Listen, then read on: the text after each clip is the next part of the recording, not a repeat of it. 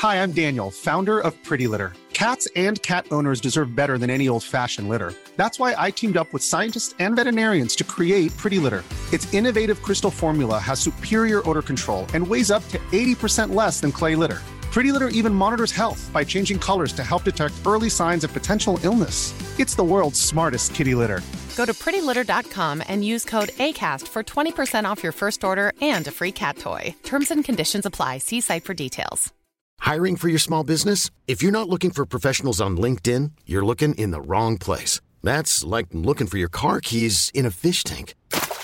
LinkedIn helps you hire professionals you can't find anywhere else, even those who aren't actively searching for a new job but might be open to the perfect role. In a given month, over 70% of LinkedIn users don't even visit other leading job sites. So start looking in the right place. With LinkedIn, you can hire professionals like a professional. Post your free job on linkedin.com slash achieve today. Hej och hjärtligt välkomna! Peter Esse här och ni lyssnar på Elbilsveckan med mig och Kristoffer Gullin. Hallå Peter! Tjena!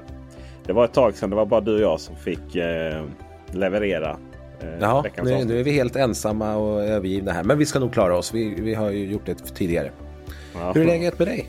Jo men det är bra. Jag sitter på ett hotellrum på Stockholm Expo. Eller Expo. Oj, då är vi nästan eh, i närheten av varandra. Ja det är vi faktiskt. Jag är norrut. Ja. Det är ju eh, de här häftiga stockholmarna kallar ju Upplands Väsby för Lapplands Väsby. För det är så himla långt norr om stan då. Mm. Eh, Och jag sitter alltså ännu mer norr om stan. Lite spännande det här att Arlanda stad är ett ord. Det tycker jag är väldigt... Eh, det är sånt jag funderar över här nu. Mina nio timmar av eh, köra eh, Ikea EV9 från Malmö till Stockholm mitt i natten. Ja, det är något jag aldrig har direkt reflekterat över och kommer antagligen inte göra jättemycket. Eller så Inte det heller. är det det första jag tänker på när jag ser skylten nästa gång. Ja, det kommer det vara naturligtvis. Eh, så, men eh, det, det är faktiskt inte heller det enda jag funderar på när jag kör Kia EV9 här. Utan jag har funderat mycket på det här med ljud och så i bilar. De här lagstadgade ljuden som vi eh, har blivit eh, påhyvlade av eh, vår kära Europeiska Union. Och det är så kontrast att byta mellan Volkswagen ID7 och Kia EV9. Två bilar som man bara vill krama om och eh, mysa med. Men den ena har lite värre ljud än den andra. Samtidigt så har de då olika sätt att stänga av detta på. Och i ett av fallen så behöver man kanske inte ens stänga av ljuden. Eh, och detta ska vi faktiskt prata om sist i avsnittet. Det har ju hänt lite andra saker här eh, sådär pratade ju om. Eh, du har fortfarande inte krockat någon Tesla sådär för du ville hänga med i, i gänget från förra gången då. Jag och Kristoffer hade ju lite, lite spörsmål där med våra krockade Teslor ju. Jag kände inte att det var en klubb jag ville vara med i. Så att nej, Nej, jag, har, jag har inte eh, krockat någon Tesla än så länge. Nej, jag fick ju en eh, fin kommentar här eh, på min Youtube-film om detta att eh, det var ju väldigt dedikerat att eh, krocka sin Tesla just för att kunna göra content. Då. Det får man absolut, det får man säga. Det, det, håller jag med om. Eh, Allt är Riktigt. content som sagt. Content. Riktigt så var det ju dessvärre inte, eller dessbättre kan man säga, för det vore ju eh, otroligt eh, dumt. Det är lite som de här som eh, Youtubers som eh, slänger sina Apple Vision Pro i golvet. Eh, bara för att visa hur lätt de går sönder. Men eh, de, eh, de kostar ju bara nästan lika mycket som en Tesla. Vill man eh, se Apple Vision Pro för övrigt så har jag gjort en video om det borta på Teknikveckan. Men det är ju, har ju inget med bilar att göra. För man får alltså inte köra med VR-headset i bil. Det fick, fick en amerikan en amerikansk Youtube erfara när poli- han gjorde detta och i en så kallad självkörande Tesla. Och som ni alla vet så är inte Tesla självkörande. Särskilt polisen som knackade på där och undrade vad tusan han höll på sen efter han hade släppt videon. Men eh, det eh, ska vi hålla oss borta från. Hur har din vecka varit? Den eh, har varit ganska bra får jag väl säga. Jag avslutade gårdagen med en AV på jobbet, Bull, där jag naturligtvis vann. Så att, Naturligtvis. så, Ja. så att eh, nu är man på topp känns det som. Annars går jag mest bara och väntar på att min säljare ska ringa och säga att nu har din bil kommit. När, kan du, när vill du hämta den? För att det, det, det, det är så nära nu. Den skulle ha kommit igår och jag har inte hört något än så nu sitter jag lite nervös. Din Gulin-gula Volvo EX30 alltså? Stämmer bra, stämmer bra. Mm, mm. Tokigt hur de har... Hur vi har liksom... nästan lagt beslag på den färgen och bytt namn på den. Men det kanske inte är någonting. Det kanske kommer upp på Volvos webbsida. För är det någonting jag gjort den här veckan är att jag har funderat lite över hur kan Volvo vara så dåliga på att göra en eh, webbsida med korrekt information om just Volvo EX30. Ja, det, är, det är så nonchalant det här hur man har inte rättat till problem som man vet är fel. Mm. För eh, det här då innan vi går in på lite nyheter runt IF Metall och, och det här med eh, trasiga Tesla-bilar och, och som att IC Laddbox har fått lite svar från Elsäkerhetsverket. Som nog inte gjorde dem sådär jätteglada. Och sen har vi då som sagt ljuddiskussionen i slutet. Så ska vi prata om det faktumet att Volvo Cars Corporation i Göteborg någonstans hade de ett jobb när det kommer till att presentera en webbsida för deras enda elbil som, de, eh, som är kombinationen av bilen de kan sälja och bilen de vill sälja. Eh, om vi säger så. Eh, det, är väl, det, är väl, det, är väl, det är väl inte så att de inte vill sälja Volvo C40 och XC40. Men, men det där är bilar i väntan på att de rena elbilsplattformarna kommer eller bilar på elbil, rena elbilsplattformar. Och det är också de nya bilarna som Volvo kommer att tjäna mest pengar på då. Medan det är lite mindre marginaler på eh, de här gamla konverterade fossilplattformen som den här CMA ändå är. Som C40 och eh, XC40 baseras på. Men det ska man ändå säga att eh, Volvo ju, har ju faktiskt lyckats eh, tjäna pengar på de där bilarna. Det är det ju inte alla tillverkare som har gjort när de har byggt sina elbilar. Så att, eh, mm. ja, men bra, bra, det ska ju Volvo ha cred för. Absolut. Men eh, det är klart att EX30 kommer ju ha en högre marginal. Mm. Och varför då har bolaget misslyckats med att göra en bra pedagogisk webbsida runt den här bilen. Vi har ju tidigare eh, nystat upp i mysteriet vilket paket som hade den styrassistenten eh, Pilot Assist och eh, frågade mycket om det där runt det och fick lite svar. Och sen så kom det i, kom uppdateringen webbsidan då och informerade om att från och med plus så har du då Pilot Assist. Det var ju ändå liksom en av de viktigaste funktionerna att välja mellan. Ja, det vet jag inte, men ja. ja. Mm, om man mm. heter Peter Esse i alla fall. Det är, är, är, inte en helt oviktig funktion. Exempelvis på EX90 så, så är ju den eh, uttagen som den enda grej du kan välja till då. Eh, eller välja bort. Eh, så där är det ju eh, egentligen eh, ganska viktig central del av konfiguratorn. Det missades på den. Däremot så eh, är det också lite andra saker som nu när jag har eh, suttit och recenserade EX30 så, så försökte jag lyska ut en sån enkel sak som vilken laddeffekt som bilarna har. Inte heller helt oviktig information om du ska välja en bil. Och det går alltså inte hitta vilken laddeffekt Volvo EX30 respektive eh, varianter har om vi går in på specifikationerna och trycker på ett litet sånt där informationstecken under batterierna. Där de då pratar om hur lång tid det tar att ladda bilen full. Så, eh, så står det då på den här Core-varianten. Eller snarare eh, den här standardbatteri. Det är inte själva, eh, det är inte själva utrustningsnivån det står på utan det är ju vilken typ av batteri det är. De har ju två batterier i bilarna. Och då eh, om jag kollar på den lilla då. Den som heter standard range eller något liknande. Då står det alltså 175 kilowatt. Det är ganska högt, eller hur Gullin? Det, det, är ändå rätt bra jobbat, 175 kilowatt på ett 51 kilowattimmars batteri. Mm. Det, det gratulerar Volvo. Ja. Eller vänta, hur var det? Jag tror, nu är det lite roligt. Tror du kommer komma upp i det. Nej, vad har de? 134 kilowatt. Väldigt, väldigt 134 kilowatt vill jag minnas att det är. Ja, korrekt. Precis. Sen om vi trycker på eh, informationen om batteri, de andra batterierna. Extended Range och även Twin Engine då. Alltså det stora batteriet och sen oberoende vilken motor det är då. Antingen om är fyrhjulsdriven eller inte. Då står det bara en allmän information om att det varierar beroende på vilket batteri vi har. Och det är också sådär. Men det måste ju vara, det måste vara något av det viktigaste eh, som du kan vara intresserad av runt en elbil. Hur snabbt bilen laddar och skillnaden mellan de batterierna. Jag förstår det faktiskt inte alls. Utöver det så är det väldigt otydlig information om eh, 22 kW laddning och luftvärmepump. Och om du till exempel väljer eh, om du, om du ska kolla vad skillnaden mellan Plus och Ultra tror jag det är. Så står det då att eh, luftvärmepump och 22 kW är Ultra. Men det är inte där skillnaden, det är inte i själva paketen som skillnaden ligger. Utan skillnaden ligger i om du vill, huruvida du har det stora eller lilla batteriet.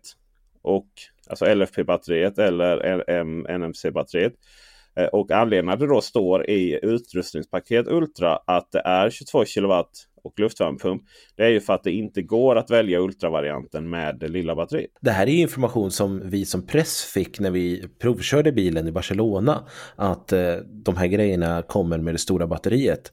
Så det är ju liksom inga nyheter. Jag tycker det är jättekonstigt att det, det, är så svårt att uppdatera informationen på webbsidan. Speciellt eftersom det är där man vill sälja. Ja, det är just där man vill sälja. Man vill ju vara den här direktsäljande via Care by Volvo och, och sådär. Förr i tiden så var det alltid varit lite, lite Framförallt så har det varit väldigt svårt att göra bilkonfiguratorer för du har så många parametrar att ta hänsyn till. Men där någonstans har det alltid varit eh, upp till återförsäljarna, alltså bilhallarna, att ge korrekt information. För det är de som har varit säljare. Men nu är ju Volvo direktsäljande. Och eh, de lägger hundratals miljoner känns det som jag vet inte. Men många, många, många, många, många, många miljoner på marknadsföring runt det här. Och mycket väl eller bekostade material och mycket professionellt alltihopa och så. Men så fallerar man på en sån viktig detalj. Jag förstår inte. Det de skulle ha gjort alltså är lagt många hundra miljoner på Peter Esse så hade det här inte varit ett problem för då hade du bara löst det. är, det är det så vi kan? för det verkar ju... Ge mig en Skånerost så löser jag det till mig. Vet du. Jag är billig drygt. Ja, ja, du, du, du, du är inte dyrare än så. Nej. Jag tycker bara det... Ja, nu, nu har vi pratat tio minuter om detaljer om hur, vi konfigurerar en bilmodell för en biltillverkare. Och det finns naturligtvis många biltillverkare som har många bekymmer med detaljerna och sådär. Men det är klart, för oss har ju Volvo en särställning. Men också en, en svansföring har det bolaget av professionalism. Och just det här hur viktig EX30 är och hur de har satt de här paketen. Så tycker jag det är väldigt viktigt att man levererar fullt ut hela vägen. Annars så irriterar det mig. Så enkelt är det. Vi pratade ju som sagt om Teslor och eh, att eh, krocka dem och att det var lite knepigt att serva dem förra veckan. Eh, något ja. Mm. Mm, precis. Och då lyssnade ju IF Metall och tyckte att nej men det här kändes ju inte helt rätt. Vi måste ju lösa det här på något vis. Jag bara antar att det är så. För att eh, nu har ju de kommit ut och sagt att eh, det här ska vi ju kunna lösa. Eller om Venus och Jupiter står i linje med varandra och man dansar på ett ben samtidigt. Eller hur var det nu? För det var inte bara straight forward. Kan du förklara för oss Peter, vad är det som ja, har hänt här? Det var väl lite, var inte helt tydligt vad som gällde egentligen. På tal om tydlighet. Så, men EF Metall gick ut och, och sa att eh, de kommer att ha en eh, dispens för eh, Tesla-bilar som står på verkstaden. Nyckelordet är bilar som står på verkstaden. Då är det bilar som är okörbara. Så att eh, det är de här parametrarna då, planeterna som ska stå i, i rätt läge som, som Gullin sa. Att bilen ska redan finnas på verkstad och den ska vara okörbar. Är det bara plåtskador då så eh, får den inte lagas. Då kommer den å andra sidan inte heller att befinna sig på verkstaden för det, jag tror inte att någon har lämnat in en bil och sen låter den bli stående där om den fortfarande går att köra. Det kommer på om det är nu idag måndag eller så i veckan. Så kommer eh, IF Metall besöka alla skadeverkstäder och gå igenom alla bilar huruvida de är eh, okörbara eller inte. Och den här listan då som, som alltså IF Metalls eh, ombudsmän där eller, eller strejkvakter eller vilka det är nu som är där. Går igenom med, med verkstaden. Eh, det är alltså de bilarna som ska lagas. Så att det är IF Metall som bestämmer vilka bilar som ska lagas. Eh, och skulle det vara så att bilarna, eh, om, om det går sönder nu nu, om du krockar i bil nu nu så, eh, så gäller alltså inte det. Utan det är då bara existerande gamla skador. Och då hänvisar IF Metall till att det är många som har hamnat i kläm. Men framförallt så är det också så att det har varit pågående projekt där det har beställts reservdelar som då de här eh, företagen som är varslade för sympatistrejk inte kan debitera för. Och så. Så att egentligen så ja, det löser ju de här stackarna som haft sin Tesla stående där länge och, och hyrbilen har gått ut. Det vill säga att man får stå för den själv, inte, eh, hyrbilen själv, inte försäkringsbolaget. Där finns en lösning. Men, men själva konflikten i sig att om du krockar din Tesla nu så, så kommer du inte få hjälp. Förutom då att det finns några verkstäder som fortfarande är igång uppe i eh, de två största städerna här i Sverige. Så att inte i Malmö eller, eller så. och eh, som, jag, som jag bor i. Och då eh, behöver de i så fall eh, bärgas till de verkstäderna då i Stockholm och Göteborg. Varav alla verkstäder tar faktiskt inte emot bilar utom, utom Socknes heller. Så eh, där är en liten temporär lösning. Och exakt varför IF Metall gör detta eh, har väl tror jag, mer att göra med att de här som faktiskt är medlemmar som har kollektivavtal Eh, sitter där med reservdelar som de inte kan debitera. Och det kan nog vara ganska stora kostnader för det. Och, och där de ska inte behöva bli straffade för det. Så det handlar nog primärt om det. För, för just att, att slutkunder eller liksom användare blir drabbade. Det är ju lite syftet med konflikten. Och så. Det ska ju pressa Tesla att eh, gå med på att förhandla om kollektivavtal. Det fungerar ju bara i en värld där eh, motparten då, alltså Tesla i det fallet, motparten till IF Metall, faktiskt bryr sig om eftermarknaden. Och Tesla har ju ingen jättestark tradition att faktiskt bry sig så himla mycket om eftermarknaden. Trots allt. Då hade de ju löst det. Då hade de ju varit lika kreativa runt det istället. Alltså det vill säga att, att de hade sett till att, att fixa verkstä skadeverkstäder som, som kanske inte ens har kollektivavtal. Eller vad det nu kan vara. Eh, för att lösa det. Men de säger ju nej till alla sådana lösningar. Så där har vi det. Så det handlar alltså om att eh, facket vill ta hand om sina medlemmar rent krasst. De som har kollektivavtal. De ska få tömma sina lager, att de inte ska behöva ha Teslor som bara står och tar plats. För att eh, lagerhållning och plats det tar, kostar ju massor med pengar. Det kostar mycket pengar. Och det, det är där som det är slutklämmen. Det har ingenting med att facket ger upp eller någonting sånt. Jag har sett någon sån rubrik också. Nej, det tror jag inte. Det har de nog inga, inga eh, som helst tankar på att ge upp varför de nu skulle göra det. Däremot så tror jag att eh, det kommer vara ganska stillastående konflikt nu. Och för att någonting ska hända i detta så bör det nog hända eh, utanför landets gränser att eh, fackförbund i andra länder följer med. Och där har det väl varit förvånansvärt tyst egentligen. Men sen har vi ju det här storägare hanterade på årsstämman och sånt. Eh, det vill säga att de använder sitt ägartryck. Då. Det finns ju några storägare i Norden. Vi har ju bland annat norska oljefonden ju, som äger halva planeten känns det som. Eh, vi har eh, eh facket själva då. Deras eh, tjänstepension Eh, som de har eh, AMF-pension då ihop med faktiskt med Svenskt Näringsliv. Så det är ju båda delarna av eh, arbetsmarknaden där. Och många andra. Och även, eh, även så är ju eh, Kalifornien, staten där, är ju också igång. då. Så att det är lite, det är lite sådana saker. Men eh, just nu så känns det som att eh, så när som på att folk som rockar sina Teslor och de blir okörbara. Att de inte riktigt har någon lösning på det. Över det så verkar det ju som att det är business as usual för Tesla. De har ju sålt rätt många bilar här. Och det verkar inte heller skrämma bort så många. När man har köpt en elbil, typ en Tesla. Ja. Så är ju det absolut bästa man kan göra att ladda den hemma. Det är det ju. Och då behöver man en laddbox. Ja. Och här är det ju väldigt många som har köpt Easy. Easy Home. Ja. Precis, som det strulade till sig för i mars 2023. Det har snart gått 12 månader och eh, då tänker man ju att eh, det här borde ju vara löst nu. Ja, det, det skulle det ju vara. Det skulle det ju vara. Eh, nu skulle vi, vid det här laget så borde vi ha sett eh, hur det här slutar. Har vi sett hur det här slutar? Ja, jag tror att vi börjar se vi börjar se mållinjen nu men att den kanske inte riktigt är där vi trodde den skulle vara. För att om vi backar lilla bandet till eh, faktiskt här nu februari så var ju det var ju stora E-car Expo-mässan där det här började pratas om att Elsäkerhetsverket hade anmodat Easy att komma in med lite svar då om Easy Home.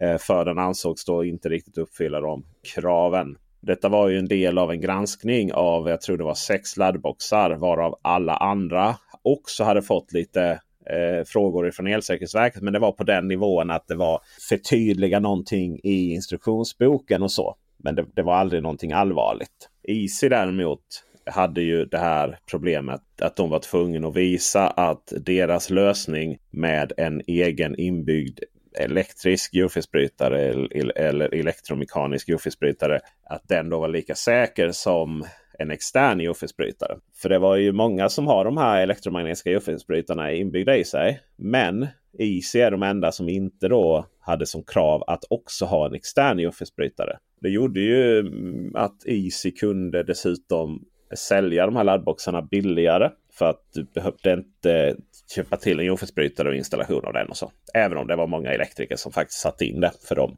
de hade lite bättre koll kanske än i sig själva. och sådär.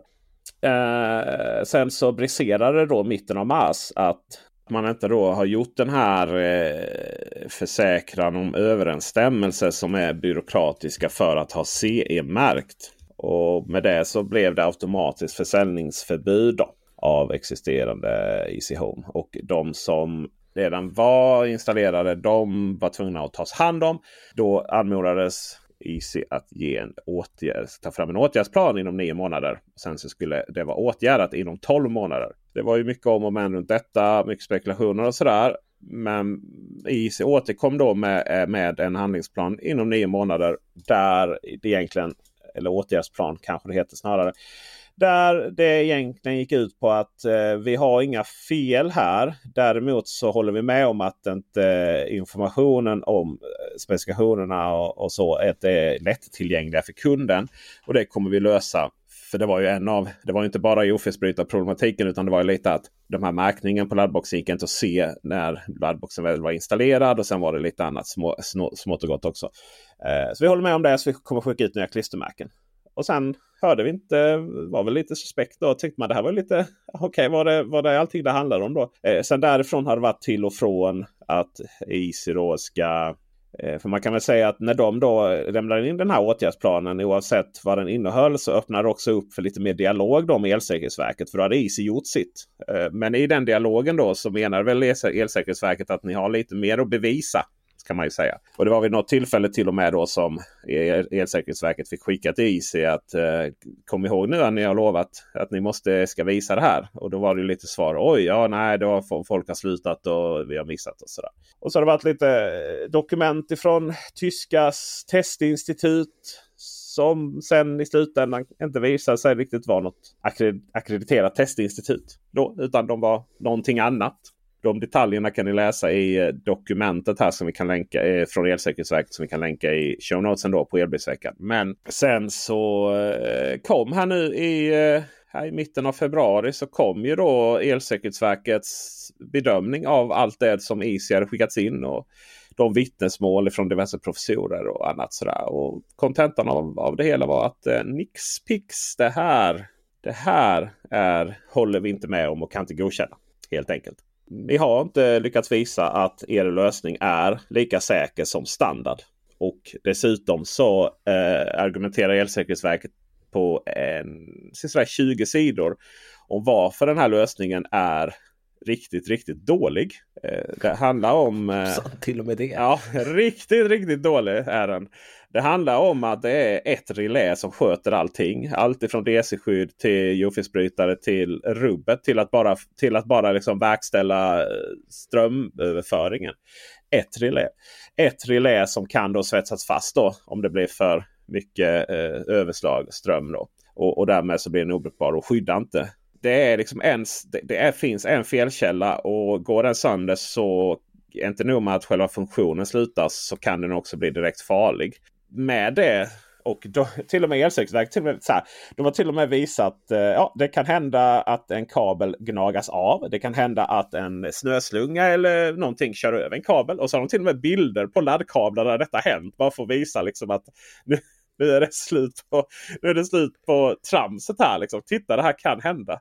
Så de argumenterar gott för sin sak kan man säga. Och eh, Easy då eh, får alltså total nej på att den här åtgärdsplanen som gick ut då på att eh, konstatera att allting är bra. Eh, vi ska bara skicka ut klistermärken. Och det betyder inte nödvändigtvis att allting är slut här nu, att det är kört. Det betyder bara att eh, IC har en månad på sig att komma upp med en ny åtgärdsplan och även då kanske genomföra den.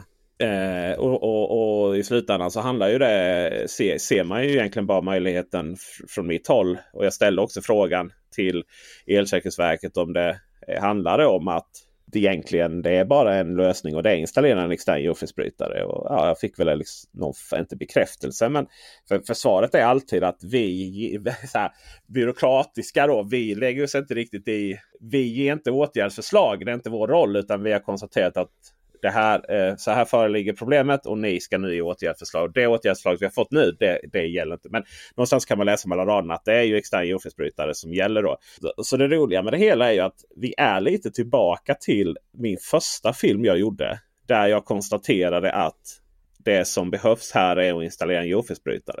Sen så menar ju Elsäkerhetsverket då, rätt nu är vi tillbaka ett år sedan, att det var värre än så. För det var isolationstester som inte var det korrekt. Det var IP-skyddet framförallt var ju jätteallvarligt då. Eh, att, eh, att den inte skulle vara lika skyddad mot damm och väta och sånt där som de utgav sig för. Men den, eh, den har lite, den försvann då för de hade ju skickat, skickat fel testprotokoll. och sen när det kommer isolationstestet där så kommer den nog alltid sväva lite i ovisshet. För att det har inte riktigt, de har inte riktigt heller lagt fokus på det, Elsäkerhetsverket. Utan de har bara konstaterat att hela den här lösningen med en, ett relä för jordfelsbrytare och DC-skydd och hela eh, faderuttan. Alltså isolationstestet var DC-skyddet. Det fallerar och dessutom skriver de också att vi är inte jätteintresserade av DC-skyddet för det handlar bara om maskinskada. Utan vi är bara intresserade av elsäkerhet för människoskada då. Och detta var ju eh, om, omtolkning av vad de har skrivit. Så, så, så det är därför den här eh, DC-skyddsisolationsproblematiken då. Att de här skulle vara för nära varandra. Eh, de, den har de lite hoppat. Det som är allvarligast i detta är ju att de konstaterar också att eh, Easy helt enkelt har skickat in testprotokoll och nästan försökt komma runt att de inte har kunnat testa. I, den här, I de här dokumenten som ska påvisa att den här lösningen är lika säker som standard. Då har de hoppat över vissa tester och kanske inte riktigt varit jättetydliga med det. Just för att testinstituten eh, inte kunde testa det som behövdes. Så det är lite så här. Easy har medvetet själva. Alltså de är medvetna själva att de inte riktigt har kunnat påvisa det de har påstått. Men ändå någonstans hoppats och till och med sagt till sina kunder och, och elektriker och, och sådär att men det här kommer vi lösa. Så ja, det är eh, det, där ligger landet. Jag var tvungen att fråga då eh, Elsäkerhetsverkets jurister. Är det om de inte då har löst det här till den 15 mars. Kommer det liksom automatiskt bli vite då? Eh, och då fick jag svar som, från följande. Nej, vite utgår inte automatiskt. IC har till den 14 mars på sig att redovisa det vi ålagt bolaget i beslutet. Efter det datumet kommer vi att bedöma om bolaget har redovisat eh, det som bolaget har redovisat och därefter ta ställning om vi ska begära utdömande av vite. Men vi kan inte säga just nu. Vi kan inte föregå hand, handläggningen i ärendet. Och det, är också det, det är också alltid det svaret ifrån myndigheter. Vi kan inte föregå handläggningen i ärendet. Nej, men det kan jag. Och det är alltså en månad tills att det här inte bara ska vara presenterat en, en, en godkänd åtgärdsplan utan den ska också vara åtgärdad. Och, och, man kan också säga så här, det är, inte, det är inte heller i sak så är det faktiskt inte upp till Elsäkerhetsverket att godkänna åtgärdsplanen innan. Detta har man egentligen gjort för att, att de vill hjälpa IC Eh, så. Man kan ju se det i kommunikationen också att eh, Elsäkerhetsverket har påmint Easy att nu måste ni komma in med grejerna här som ni har sagt. I sak så eh, om det ska vara riktigt, riktigt byråkratiskt så, så var det så här. Så är det ju att ja, åtgärdsplan skulle kommit in som information då inom nio månader. Inom tolv månader skulle det vara åtgärdat. Och sen därefter så, så rent krasst skulle de kunna kolla på det och bara nix, nix, pix, det här går inte. Men ja, eh, att installera jordfelsbrytare på alla 100 000 eh, laddboxar i Sverige kostar ju någon hundra miljoner eller två. Det är lite pengar för ett norskt laddboxbolag. Finns det någon siffra på hur många eh, som redan är installerade med externa jordfelsbrytare? För jag menar, det finns ju många elektriker som har installerat det redan tidigare för att de tycker att det behövdes. Och där skulle det ju kunna minska. Men... Det finns ingen eh, siffra på det så vitt jag vet. Det finns nog ingen som har koll på det. Men jag skulle gissa att den siffran är skyhög. Jag skulle gissa att den ligger någonstans mellan 50 och 75 procent, kanske 80. För att i mångt och mycket har det installerats jordfelsbrytare. Dessutom så är det ju att du har jordfelsbrytare hemma. Alltså jag tror att den är mycket. Att, att det har installerats en extern jordfelsbrytare i samband med installation av laddboxen. Den är ju ganska hög. Men den är inte så hög som det faktumet att nästan alla har jordfelsbrytare hemma. Och sen så finns det lite så i standarden då i, elsäkerhetsstandarden. Eh, tror jag inte det heter, utan den heter någonting byråkratiskt. Så är det det här att det ska vara en jordfelsbrytare per laddbox. Men det är inte ett elsäkerhetskrav utan det är ett funktionskrav. Det handlar om att, att inte mjölken ska bli gammal om UFS-brytaren för laddboxen bryter ut. Eller att, att om du har två laddboxar så ska inte båda eh, sluta ladda bilarna. Då, så att om du har två bilar ska inte båda vara eh, nere för räkning på morgonen och lite sådana saker.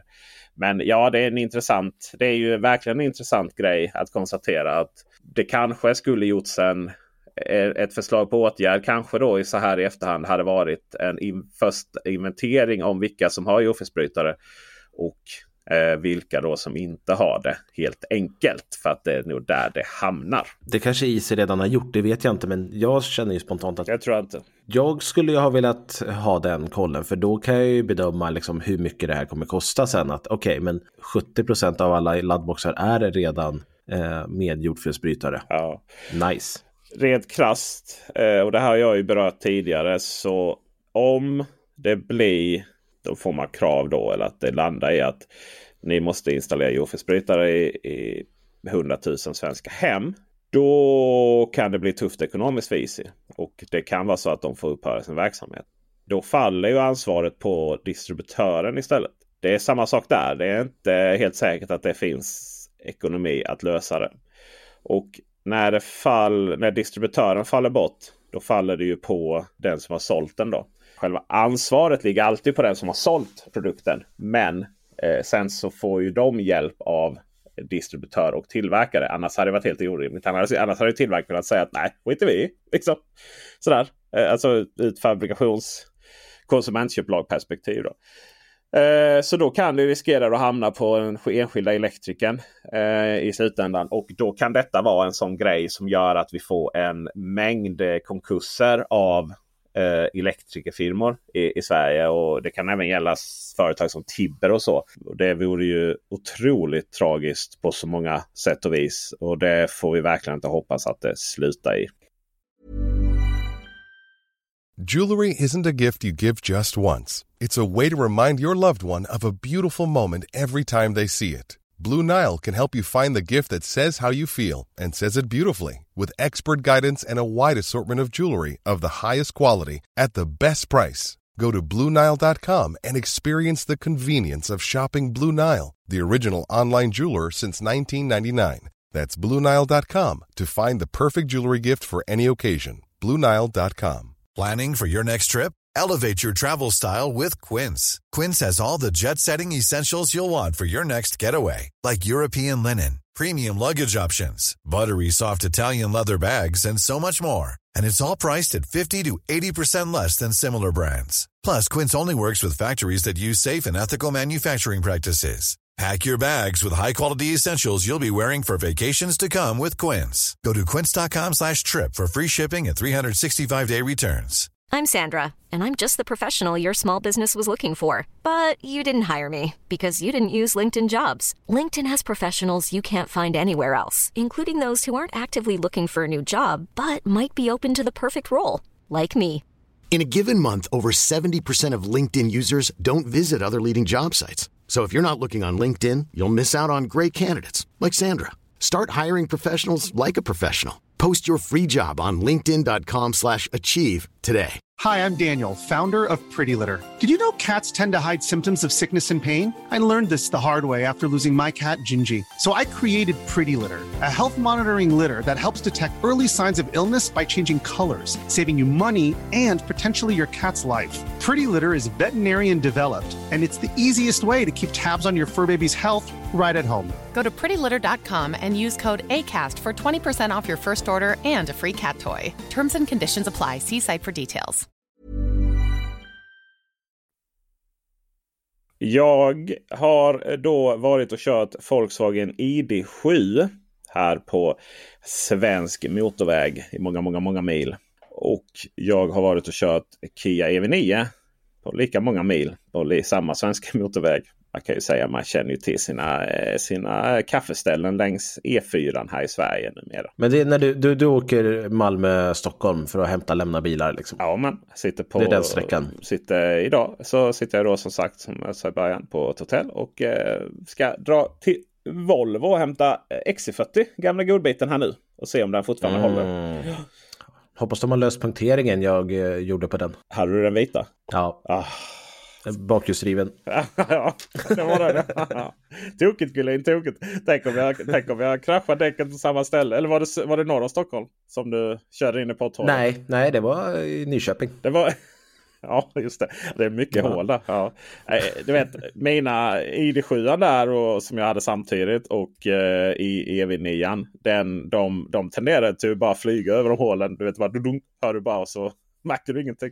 Kan också vara att de har fyllt igen hålet också kanske. Kan vara så. Kan vara, kan, kan vara. Så. Förhoppningsvis har ja. de gjort det. Ja, men eh, det här är ju, får ju en kännedom om de här bilarna på ett helt annat sätt än vad många andra får. Exklusive dig då, för du kör ju också dina långfärdstester. Så du får ju exakt samma upplevelse av laddning och och så. Och jag har ju tidigare pratat om hur, hur välfungerande det har varit att ladda ID7 då med sin förvärmningsfunktion väldigt tydligt vad som gäller och så. Och detsamma gäller EV9. Och roligt var att jag fick faktiskt upp EV9 i högre eh, effekt än SPES även där. Precis som ID7. Det verkar vara min grej här nu att göra det.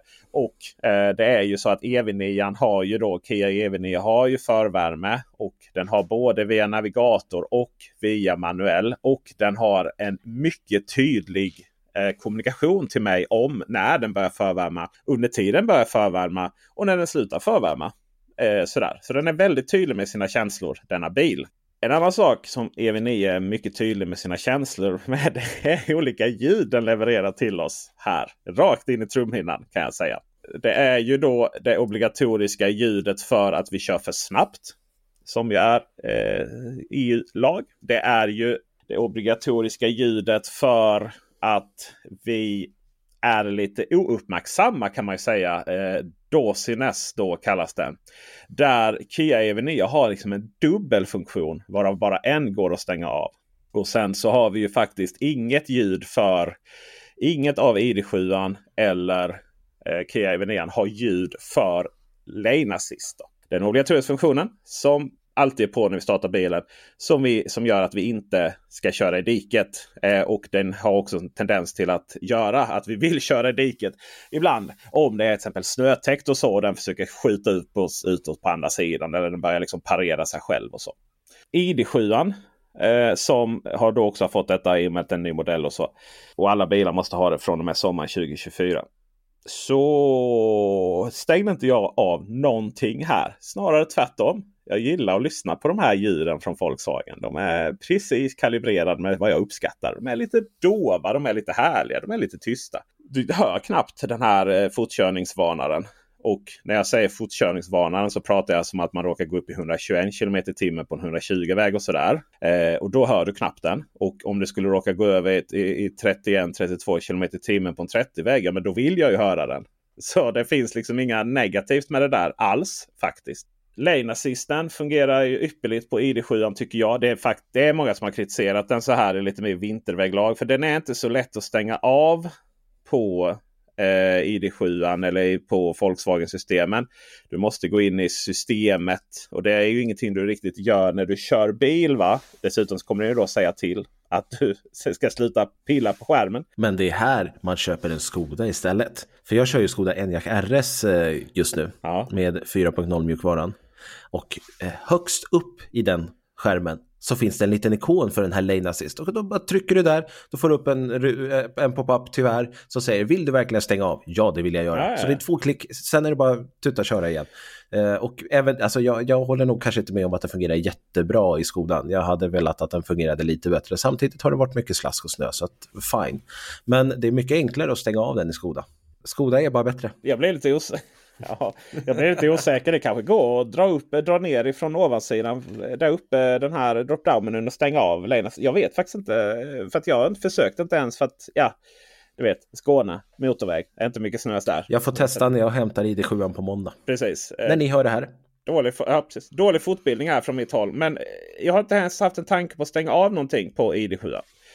på ID, eh, på ID 9. Förlåt, den har inte kommit ännu. Det, det undrar vad det är. Tidsfråga. Ja, precis. Så här, eh, större än ID Buzz kanske.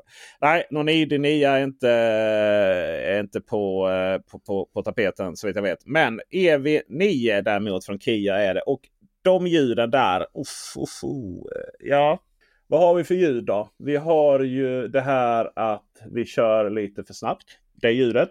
Uh, som är så här, det är bara irriterande.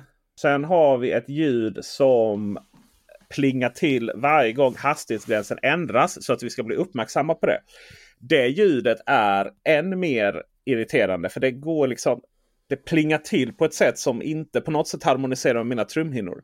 Så där har vi den. Sen har vi ju den här eh, det faktumet att ögonsensorn är överentusiastisk.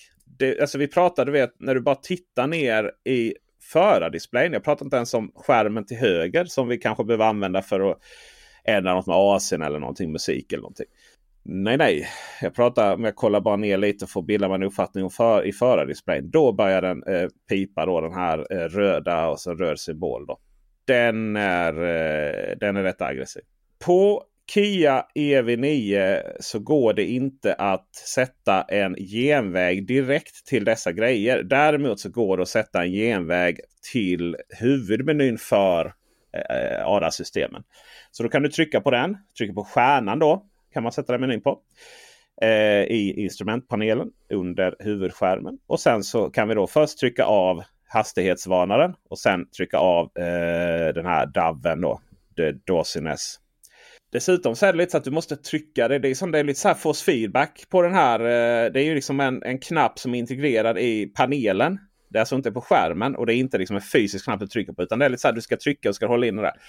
Man väl har gjort det några gånger så är det lite oh, Snälla, snälla, kunde jag inte bara fått en knapp direkt på skärmen eller någonting?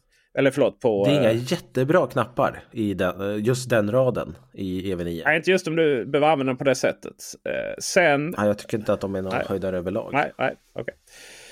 Eh, däremot så har de sen en legendarisk grej som jag gärna vill att alla bilar ska ha. Du kan ju stänga av lane assisten direkt på rattknappen på ratten.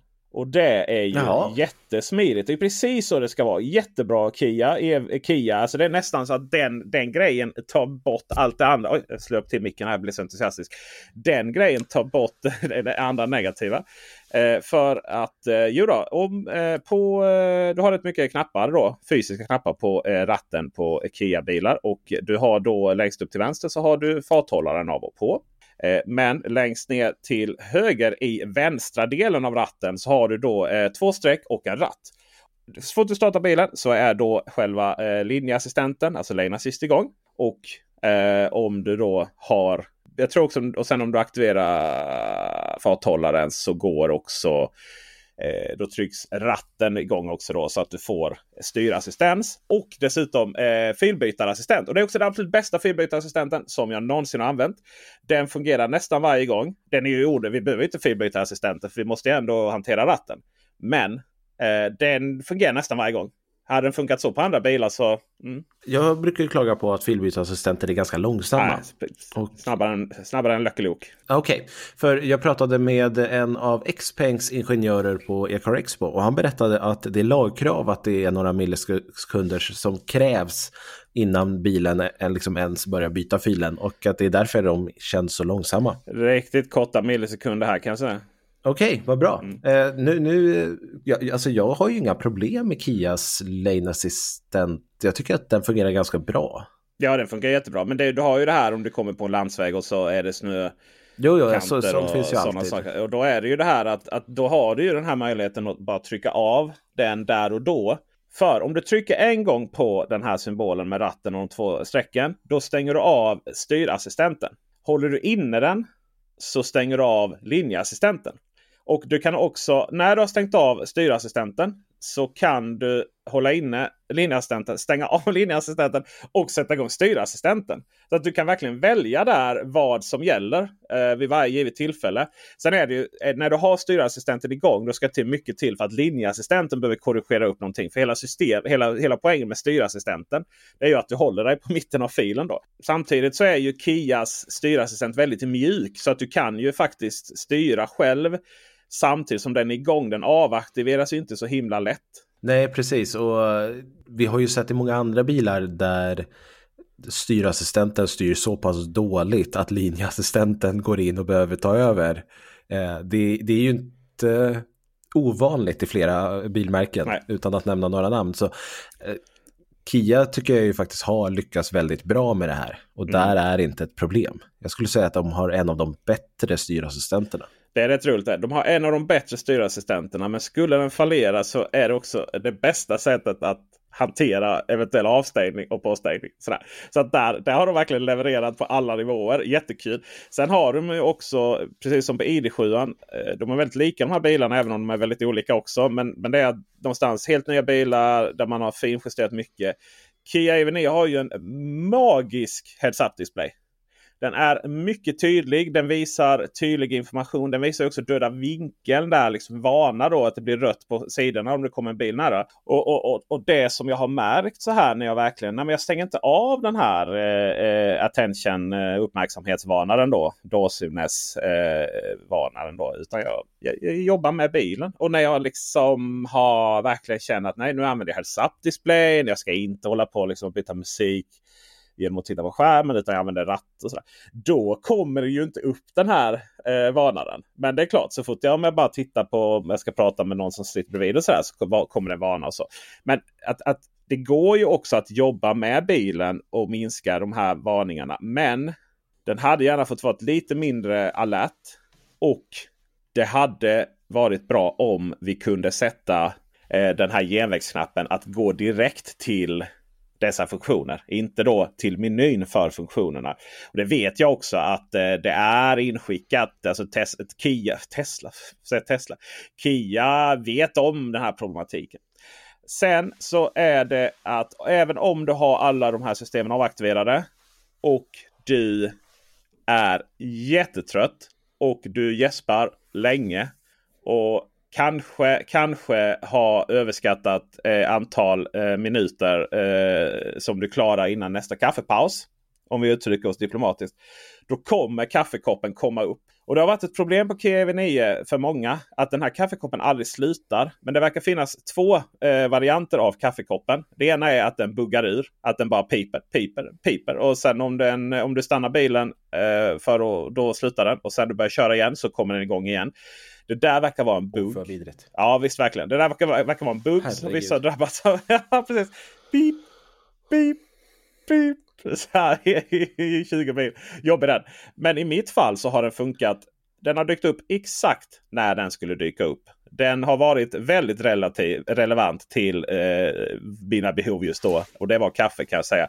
Så där har den funkat riktigt, riktigt bra. Och det är imponerande att se att den den verkligen känner av djupa gäspningar. Den har ju stenkoll på en. Jag tycker det är ändå är fascinerande eh, sådär med denna bil. Så Kia EV9 är en mycket trevlig bil. Eh, och det kommer ju naturligtvis en, en recension på min Youtube-kanal här inom kort. Men det finns strategier att hantera de här ljuden. Antingen jobbar du med dem eller så får du helt enkelt jobba mot dem då, genom att stänga av dem. Och då sker det genom eh, genvägsknappen. Får man mappa upp den på, mot stjärnan. Och lättast om du har en kv 9 och inte har riktigt liksom, hittat det där. Om du håller inne stjärnan knappen. Då kommer upp menyn för att välja vad den ska göra. För den har inte mappningen mot ADA-systemen för att stänga av dem eh, som standard.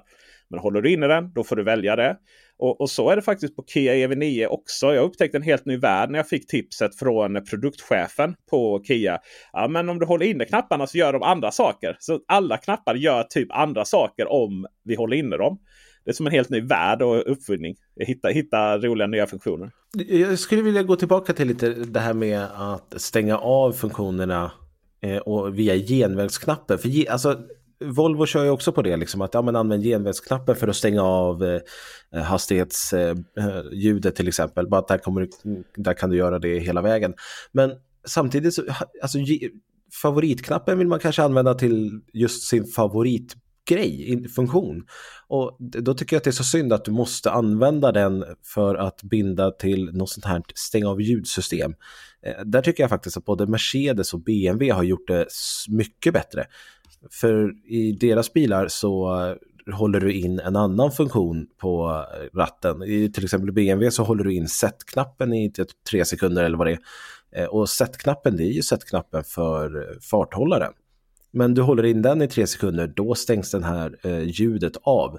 Funktionen är kvar där, den finns fortfarande visuellt, men ljudet är avstängt. Och det tycker jag är ett bättre sätt, för då kan jag ju få använda min favoritknapp till det jag faktiskt vill använda den till. Så som knappen är satt att fungera. Inte för att stänga av ett system. Mer favoritknappar helt enkelt. Det finns en knapp på högra sidan av ratten som heter Mode. Som är också en sån här egentligen en favoritknapp. Eh, och håller vi inne den så får vi välja lite vad den ska göra. Men och det är lite så här byta mellan radio och CarPlay eller lite sådana saker som vi inte använder ändå. Eh, den hade ju varit magisk för att få mappa upp till stänga av de här säkerhetssystemen istället. Eh, så, så att, ja, mer valfrihet eh, är ett alternativ. Och ett annat alternativ är ju att designa de här ljuden så att de jobbar med den. Så att de inte är jobbiga att höra. Men som att de men ändå görs det de ska. För det har ju Volkswagen lyckats med med bravur. Mm. Nej, och det håller jag med om. Eh, som sagt, jag kör ju Skoda Enyaq just nu och jag håller med dig där. Jag har inte brytt mig om att stänga av det ljudet i den bilen för att det, det är så pass diskret liksom. Och går jag upp i 111 när jag kör på motorvägen och som är 110 då stör inte det mig. Nu är det som sagt, det här är ju RS-versionen så den är något bullrigare också. Liksom. Eh, men det ljudet är inte relevant då. Liksom. Nej. På tal om ljud, motor simulera motorljudet på Kia EV9 och även Kia EV6. Det är något av det värsta jag varit med om. Det är, usch vad vidrigt. Ja. Ja, nej, det, det, stort minuspoäng där. Det är så dåligt. Och samma sak med Ioniq 5 och 6 som är ju samma då. Men jag kan inte låta bli att, att uppskatta ändå ljuddesignen i Ioniq 5N. Åh, nu snackar vi istället. Ah, wow, alltså där har de, varför väljer man tre olika motljud och det ena efter den andra? Så där är jag svag för det. Jag tror att vi har ett, det är ju deras sån prestandabil som ju dessutom simulerar ju den så här väx, växlarna. Ja, det, det, tycker jag var helt fantastiskt när han berättade det. Det här är ju en bil som vi såg på Ecar Expo. Jag vet att jag har en video om det. Jag vet inte om du har det. Kom en eh, YouTube Short i alla fall. Ja, eh, för där har jag en Hyundai-representant som går igenom bilen med mig och det, det är ju superhäftigt. Eh, till exempel det här med att växla. Då gör du det via padden och då tappar eh, bara motorn all effekt, bara någon sån här millisekund liksom. För att liksom simulera att det händer någonting och du får det här rycket och sen så är det full fräs igen. Och det, det är attention to details verkligen när det kommer till Hyundai Ioniq N. Det är ju någonting med ljuddesign som inte får eh, underskattas. Och jag tror att, eh, att biltillverkarna måste ta med det. Eh, att ljuddesignen är minst lika viktig som visuella designen. Det är, eh, det är dagens lärdom. Det håller jag med om. och eh, tycker man om, saknar man lite det här med ljud på elbilar? Jag vet att vissa tycker det är jättedumt, men samtidigt så måste man också erkänna att ljud har en helt annan dimension till bilen och jag kan sakna det många gånger när man kör elbil. Det är jätteskönt i vardagen, men ibland när man kör lite mer aktivt så är det kul med ljud. Mm. Det är därför jag uppskattar liksom, eh, BMW. Jag tycker de har gjort ett jättefint ljud på insidan. Men eh, Hyundai Ioniq N, det är ju verkligen en helt annan ny nivå. Eh, det är bland annat så om du kommer till S-kurva och det är en skylt för den, varning, eh, för den kurvan. Då kan bilen känna igen den där skylten och bara, men du, vill du inte gå in i en-läge nu för att då blir det lite roligare. Och bara det tycker jag är så himla lite roligt. Lite mer åksjuka. Ja men det är härligt. Det har varit mycket Volkswagen, det har varit mycket Kia denna eh, och eh, Hyundai nu i slutet också. Kia, eh, Kia ägs av Hyundai, så är det. Inte tvärtom. Och eh, det kommer bli mer Volkswagen i nästa avsnitt kan jag säga. För det bolaget det har gått ifrån att eh, eh, visserligen leverera men kanske inte fullt ut till att verkligen leverera. Men eh, vad det handlar om, ja, det hörs vi om i nästa avsnitt. Så se till att prenumerera om du inte redan gör det. Va? Som man brukar säga på Youtube. Men, men jag tror alla prenumererar som lyssnar på podden i och för sig. Vi får i alla fall hoppas på det. Och är det så att man inte gör det så finns Peter Esse på Youtube som sagt under namnet Peter Esse. Jag finns under namnet Elbilsmagasinet. Och tack också till Dennis Klarin som har redigerat det här avsnittet och tagit bort lite pauser här och eh, fått till det så att det blev proffsigt och bra. Tack till dig. Så tack till er som har lyssnat så hörs och ses vi i nästa veckas avsnitt helt enkelt. Hej! Hej på er! Hi, I'm Daniel, founder of Pretty Litter. Did you know cats tend to hide symptoms of sickness and pain? I learned this the hard way after losing my cat, Gingy. So I created Pretty Litter, a health monitoring litter that helps detect early signs of illness by changing colors, saving you money and potentially your cat's life. Pretty Litter is veterinarian developed, and it's the easiest way to keep tabs on your fur baby's health right at home. Go to prettylitter.com and use code ACAST for 20% off your first order and a free cat toy. Terms and conditions apply. See site for details.